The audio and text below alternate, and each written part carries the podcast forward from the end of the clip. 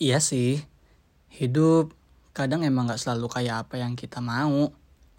Tapi ada beberapa hal yang sebenarnya bisa diusahakan dan dunia seolah-olah gak serak sama pilihan itu. Kadang-kadang, eh, gak kadang-kadang juga sih, seringnya kita susah untuk menerima sesuatu yang terlihat kurang menyenangkan. Ya, sebenarnya manusiawi aja gak sih? Kita lebih suka sama hal-hal yang bikin kita senang. Kadang juga ada beberapa orang yang tiba-tiba memberikan wejangan kepada kita. Padahal kita nggak pernah memintanya. Katanya gini, gue juga dulu gitu kok, tapi gue bisa. Atau gue juga sama kayak lu, sejauh ini ya fine-fine aja. Iya, Mungkin kita pernah berada di posisi yang sama, mungkin kita pernah melalui jalan yang sama. Tapi bukan berarti kita memiliki kapasitas yang sama. Kamu bukan aku, dan yang paling tahu diriku cuma aku.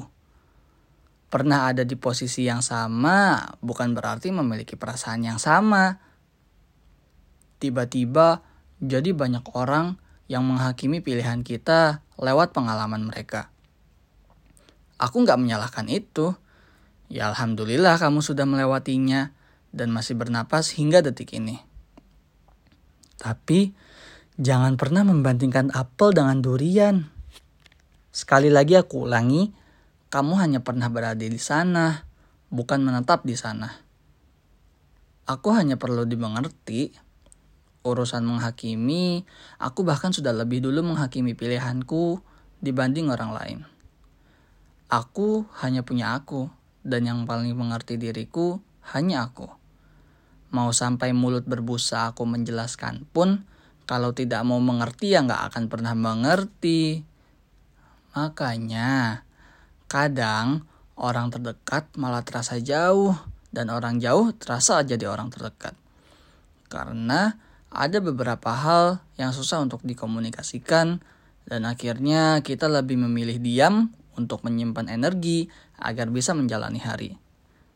Ya, sekali lagi aku ulangi, aku hanya perlu dimengerti. Hai, terima kasih sudah mau mendengarkan.